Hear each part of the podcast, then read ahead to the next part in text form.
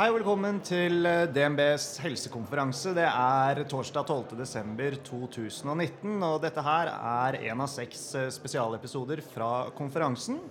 Dette her er en eh, samsending mellom Radforsk sin podkast Radium og DNB sin podkast Utbytte.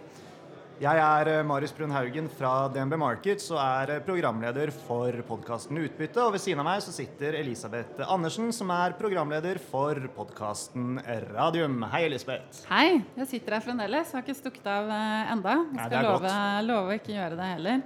Eh, hyggelig å ønske velkommen til den andre selskapspodkasten her fra konferansen, hvor vi snakker med mange av porteføljeselskapene til eh, Radforsk. Og denne gangen så har vi med oss eh, Nordic Nanovektor. Skal først ønske velkommen til deg, Jonas Einarsson. Takk skal du ha, Elisabeth. Det er jo artig å ha en eh, samsending med våre, om våre selskaper med en podkast som heter Utbytte. Det er vel ikke det som preger våre selskaper eh, ennå, men, eh, men kan komme en gang i tiden. Vi, vi har ambisjonene, skal Vi vi, si det sånn? Ja. ja. rett og slett. Um, men denne gangen skal vi ha med oss Nordic Nanovektor, som jeg sa. Og, da tror jeg vi skal bare skifte over til engelsk, sånn at Eduardo skjønner hva vi sier. So welcome CEO Eduardo Bravo in Nordic Nanovector. Thank you. Thank you very much. Nice to have you back in the podcast. No, thank you for uh, having us back. Yeah. I'm very delighted to be here. Good, and thank you for also taking the time. I know it's a busy, busy time uh, for you. Uh, you had a news uh, release today, but I think we will get back to that uh, afterwards.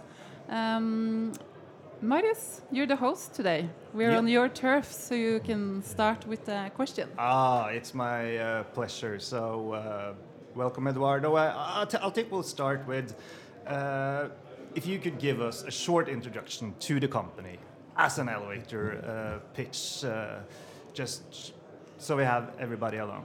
Yeah. So uh, Nordic Nanovector is a company that is specialized in radio immunotherapy for treating cancer patients.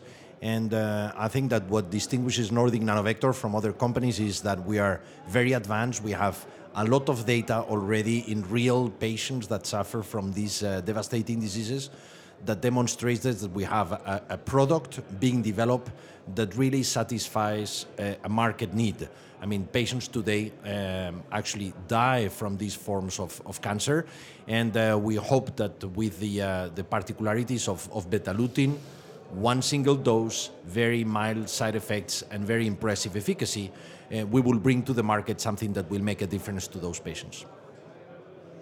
Uh, we can uh, continue with diving a little bit more into the technology. You mentioned Betalutin. This is your lead uh, lead compound. But can you tell us a little bit more on how it works? Uh, what kind of cancers you are looking into? The clinical trials. Yes. So uh, today, Betalutin is being developed for uh, two types of non-Hodgkin lymphoma, which is the um, uh, uh, type of hematological cancer. And uh, there, we're developing the first indication is uh, follicular lymphoma. We're actually going for what is called third line, so patients that have failed two previous therapies in uh, in uh, follicular lymphoma. And we have, uh, on top of that lead indication, we are actually have two other clinical trials ongoing. One that we call Archer 1, uh, which is a combination of Betalutin with rituximab, uh, which is the uh, gold standard in follicular lymphoma for second line follicular lymphoma. So this is uh, uh, only patients that have failed only one previous line. And finally, we have one clinical trial ongoing in uh, what is called diffuse large B cell lymphoma, that we always call DLBCL, uh, which is a very aggressive form of non Hodgkin lymphoma. Uh, and again, we've just announced, as you mentioned uh, on the introduction, uh, a short press release today giving a little bit more information on the uh, outcome of the uh, first uh, patients on that trial. Mm, but maybe you can take the news. Uh, what was the news? What did you uh, present today in the press release? So what we, you know, we, we, we try to uh, to uh, go back to the market and stick to our milestones. So we we promised the market that we will give an update on the DLBCL data before the end of the year. Uh, we recruited and we announced that we had recruited uh, the fourth cohort uh, on, on, time. Uh, unfortunately, one of the uh, three patients on that cohort uh, experienced what is called a dose limited toxicity, so some reversible, but at that point considered to be sufficiently serious adverse events that the, the protocol specifies that you should recruit an additional three patients to demonstrate whether indeed the dose is too high for those patients or it was just an, an you know a, a, statistical error Yeah. and that therefore this, the higher dose is still well tolerated and therefore the dose that you should move forward with and uh, you know this is why these experiments are done it's uh, it's painful because you go every three patients you need to stop and wait three months until the uh, review committee gives you the green light and in this case, unfortunately, one of the patients had this side effect. We need to uh, recruit three more patients, wait three months, and then hopefully communicate on the results of all these. Uh, then it will be 15 patients uh, to the market. I understand because when you when you treat one patient, I mean that can be just uh, skewed to that patient. So I mean this doesn't it's uh, yeah doesn't really mean more than this uh, patient got the toxicity. Exactly, and all, all Yeah. the all these phase uh, ones are are done exactly the same. It's Yep. usually three patients, uh, and uh, you know that's considered to be sufficient. That if you get more than one uh, sign of toxicity, you actually go back immediately. You don't wait. If you get one, you uh, repeat another three patients to see if it's just a statistical error. If you get none, you move to the next dose. That's that's it's a very standard design. We just uh, have the patient safety as, as a priority, of course. Can you say or elaborate a little bit on how this uh, trial will progress? Will it progress as a combination trial? Or? Yeah, that's a, that's a very good because you know people are looking at this and, and we're doing betalutin as a standalone therapy, but we know DLBCL is an extremely aggressive uh, disease, and and from the very beginning we've said all we're doing is trying to find the right dose to move forward in DLBCL. But definitely, we're going to be moving in, uh, in most likely in what is called a consolidation regimen or in combination. Basically, what we will do is add the betalutin to those patients that respond without achieving a complete response to whatever they are receiving and trying to push the number of partial responders into complete responders because that transformation from a partial response to a complete response is what really extends duration of, uh, of survival. So i think that that will be that's how these compounds in the past show the, the biggest effect and we believe that's where betalutin should go in the future. Jonas, does it make you uh, enthusiastic to hear this? Yeah, it, it, it really does, and, and it uh, it sort of fits in because that's what we've seen in in uh, the first trials with betalutin. That is, when you get a complete response, you will have a much longer duration of, re of, of response. So trying to to to push these patients from partial response, and I, I don't. I don't think that you could use betalu- betalutin only as a monotherapy in this because it's too aggressive. But it, it, it has uh, its uh, effect, and if you can, so the goal is to push these partial responders to complete responders. I think that's a good strat- strategy. So that, that fits in. If we uh, zoom out again a little bit, uh, can you tell us a little bit about uh, the competitive landscape, uh, how large the market is, and uh, also short about the market access? So we've we've done a lot of work. Again, for a company our size, at the stage of development we are, we're really doing, uh, I think, the work that needs to be done to ensure that the day we get the approval, we have a successful plan uh, to be successful commercially with uh, with Betalutin. So we we know very well the uh, com- the the competitive landscape to be honest, there's nothing out there and nothing that is coming on the short term that we believe um, it's a real threat given the, the, the beauty of the data and the singularity of the profile of betalutin for uh, follicular lymphoma. Uh, and uh, you know we're very excited with the first three patients on Archer, but you know this is very early time, so we need to wait until we recruit uh, additional patients and we can and we can certify that indeed the uh, push in complete response goes to uh, to, to to new numbers. Um, but I think that the the company is ready. We know exactly the structure that we will need in the US in terms of human resources. Uh, we know the number of sites that we need to cover. We know what is the uh, right. Uh, uh, the, the right positions uh, to have early on, and we've done a lot in terms of actually market access. So understanding how to price Betalutin, which has a, the, the beauty of having a single dose uh, product becomes a, a liability when you're doing pricing because you, you get everything in one go. So um, you know, also understanding what are the uh, pricing options and what is the price level at which we will have a competitive compound has taken a lot of the effort. But I think that all that will pay the day we have an approval and we have a product that will hopefully be commercially successful. That's great, uh, great to hear. We have to talk about financing. Uh, how is the situation for the company uh, there now? So we've just uh, raised uh, in uh, in October um, a significant amount of, of capital, and you know that has extended our cash runway until the end of 2020. And uh, at that point in time, I think that we uh, we will have two major milestones uh, I would call under the belt. One is finalizing the recruitment of Paradigm, and I think that that's priority number one. That's where we're putting all our efforts. And the second one is getting the Archer data, which again, because of the value of this combination approach for the future, it's it's a validation not only for that particular indication, which is very important, but it's also uh, a way to show that having a different mechanism of action that combines well with other products will make Betalutin a, a partner of choice in, uh, in the future. Hmm. Good to hear. Jonas, in your opinion, what's the most uh, important news or, or, or, milestones that we are waiting from? Yeah, from, from what I'm waiting for is, of course, the Archer data, because uh, if they can do something similar to what you did with the first three patients, that will be fantastic data. So uh, that's very, very important, and also because I think the future for Betalutin is in combination with uh, with rituximab, and then you open the gate to to the second line, not only to the third line. So that's very important. And uh, the other thing is, of course, the recruitment in Paradigm.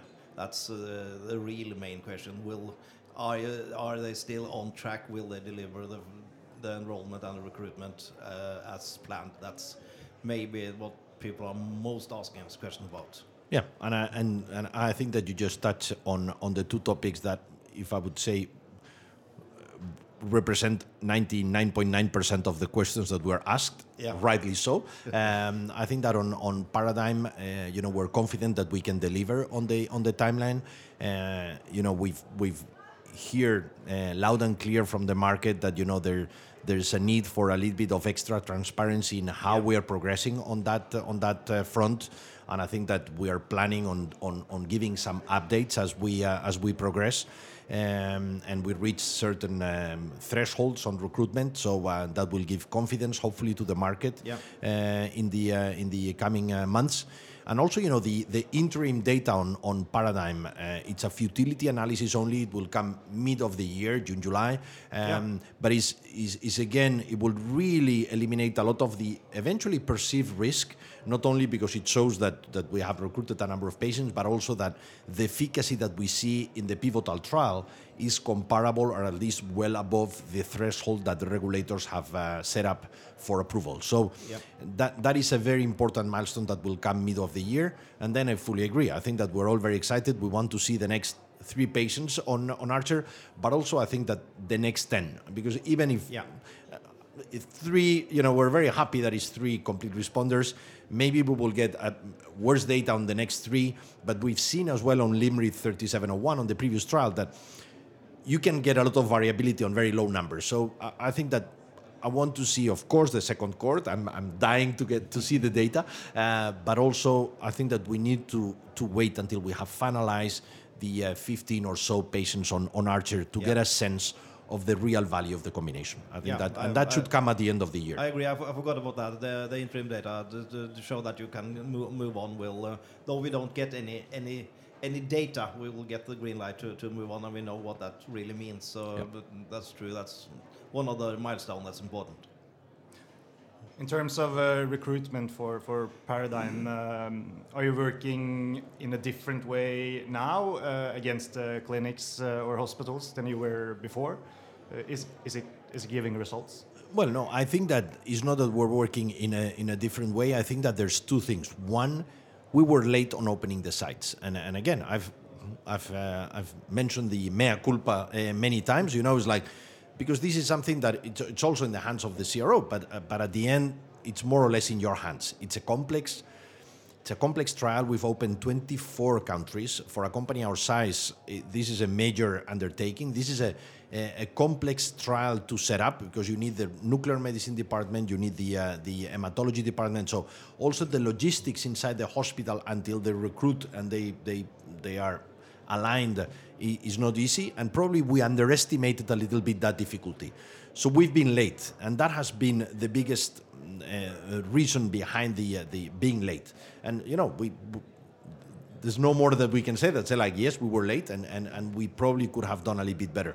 I think that on the recruitment we keep learning what works what doesn't work. I think that there's you know definitely there's we cannot put more feet on the ground. You know we're involved myself and, and other people in visiting the sites directly and ensuring that the sites understand the importance of the of the recruitment not only for the company but for the compound and to make sure that betalutin can get to the to the market uh, as soon as possible but this is a, a difficult to recruit trial and there are not that many patients and, and suddenly you recruit no patients in a site and for three months you don't know why and, and despite the fact that they are very excited and looking for patients suddenly in one week they may find two patients. And so the only thing that you can do is be there be on top of the sites uh, and really probably what we're doing now more is try to find reference centers. So trying to find hospitals around those centers that will send patients which is the same as increasing the number of sites without the um, the administrative burden. So it's like uh, maybe regional hospitals that when they get a patient will send the patient for a treatment at the uh, at the um, uh, site that we have uh,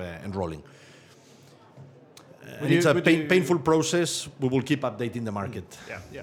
Would you say the, the, the speed of the recruitment has uh, changed for the better, or, or is it stable?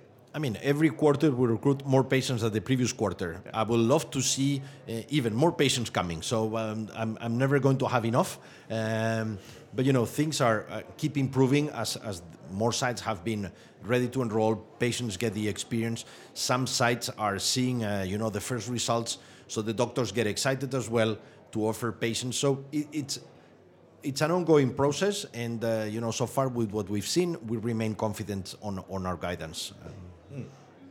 I think we have uh, one of the questions from the listeners on, on that uh, on that hand too. So I think we'll take it uh, take it now, uh, because uh, the the listener is wondering if it's true that doctors in the U.S. must be certified or trained to administer uh, Betalutin uh, to the patients, and if this is maybe what's affecting recruitment, or will it affect when Betalutin is actually on the market? So um, I think that there's a little bit of of, uh, of um, uh, melange in, in, in what the uh, listener has understood. Uh, to administer betalutin, to administer a radiopharmaceutical, you, you need to be a certified um, administrator, so to speak. It could be a nurse. You don't need to be a doctor. You need someone that is certified. Okay. Um, the beauty is that you know, uh, an Endocyte uh, is on phase three clinical trial. And more important, Lutathera, the product that has been launched by uh, by Novartis after acquiring AAA, is having a phenomenal success.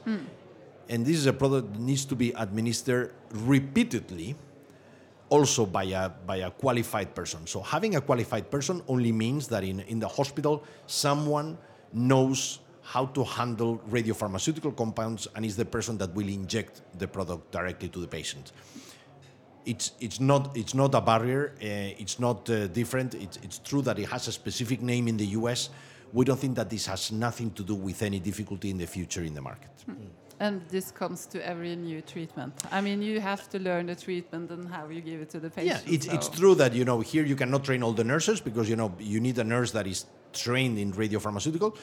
But as as I've just mentioned, we're not the first one. We're definitely going to by the time betalutin makes it to the market, every single site in which we're going to be going will have this extremely uh, oiled. The system will be there, so um, we don't see this as a barrier for the adoption of betalutin. Okay, good to hear. Yeah, uh, we have two more questions from uh, the listeners, and maybe you'll go first, uh, Elisabeth. Yeah, I mean, there's a lot of excitement, uh, of course, around the uh, the Archer studies. I think the rest of the questions uh, relate to that. I Not surprised? uh, not surprising. Um, so we can start with the first one. Uh, will we get clinical results from the Archer study after the next three or six patients?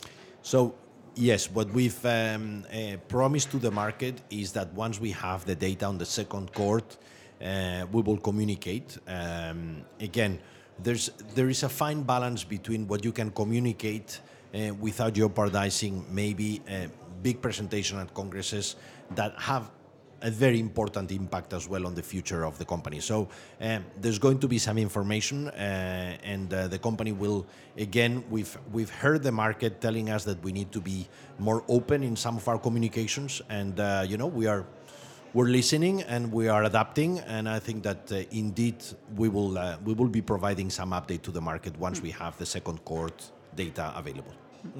It's a thin line with communication. Uh, sometimes you communicate too much and then people misunderstand, and sometimes you communicate too little and then they start to speculate. I see, I see your head of communication behind you nodding. and and and It's hard and- work. Yeah, and not uh, it doesn't matter what you do, you will never have hundred percent of the people happy. No, no. So um, That will so I think never that happen. pro- probably we were a little bit too much on the uh, too strict. Um, I mean, I don't. I'm not saying that we're going to be uh, telling ev- everything on everything because that's not. You cannot run a company like this. Uh, and you need to be careful as well that you don't even uh, jeopardize your clinical trials by giving too much information uh, because that may have an impact on, on, on clinical trials that are open. So you need to be very, very careful on what you can communicate. Um, but definitely there will be an update on the Archer data when we have the second cohort. Good to hear. The next uh, question from uh, one of the listeners is uh, Is the enrollment progressing faster after the results from the three first patients turned out to be three out of three complete responders? Uh, and how has this been received among the hospitals? Well, I think that the, you know doctors were very impressed. I mean, it's difficult not to be impressed when you have three out of three. But I think that doctors are also uh, probably better uh, equipped to understand that three out of three may mean three out of ten if the next seven fail. Um, so they know that this is a, a, a you know this is a, a, a trial in which you do patients three by three, and I think that they will it's easier that if we had zero out of three, definitely. But I think that doctors will put the right patient in the trial. I don't think that they will rush into recruiting the wrong patient. So it, it always helps, but I don't think that it, it changes the picture. And, you know, also you would expect a good response in second line by, by a combination therapy out of, of, uh, of um, Betalutin. So let's wait until we have the data. Let's wait until we have the, you know, the full data set. And then, you know, I think that doctors will will be more or less excited. Um, I think that is a little bit premature to, to jump. And I think that we need to be very good at telling the people, and I think that we're being very responsible here, that they should not draw conclusions on three patients. As happy as we are with the data, eh, don't get me wrong. Yep, I think that uh, wraps it up, uh, Elisabeth. Yeah, if not, uh, Jonas has some final uh, final words. No, Of I'm, wisdom? I'm, uh, I'm uh, always excited, but waiting for this uh, these uh, data, and uh, I think there will be good data be because of the consistency of the earlier data in the LYMRIT uh, study. It was not that uh, one patient was complete response at once, and the, then suddenly it was one that didn't re- react and get a good result. So uh, I, I believe it will be good results.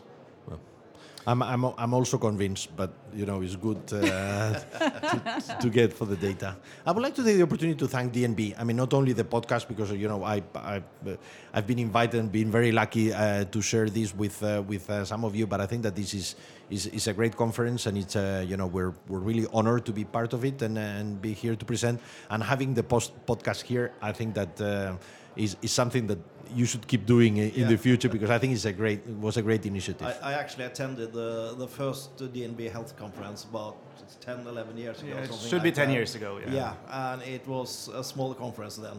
So things are happening here. yeah, congratulations. I congratulations. actually discussed this with Øystein Saug uh, last year. How many DNB Nordic Healthcare conference you have had, and I think he was up to 15.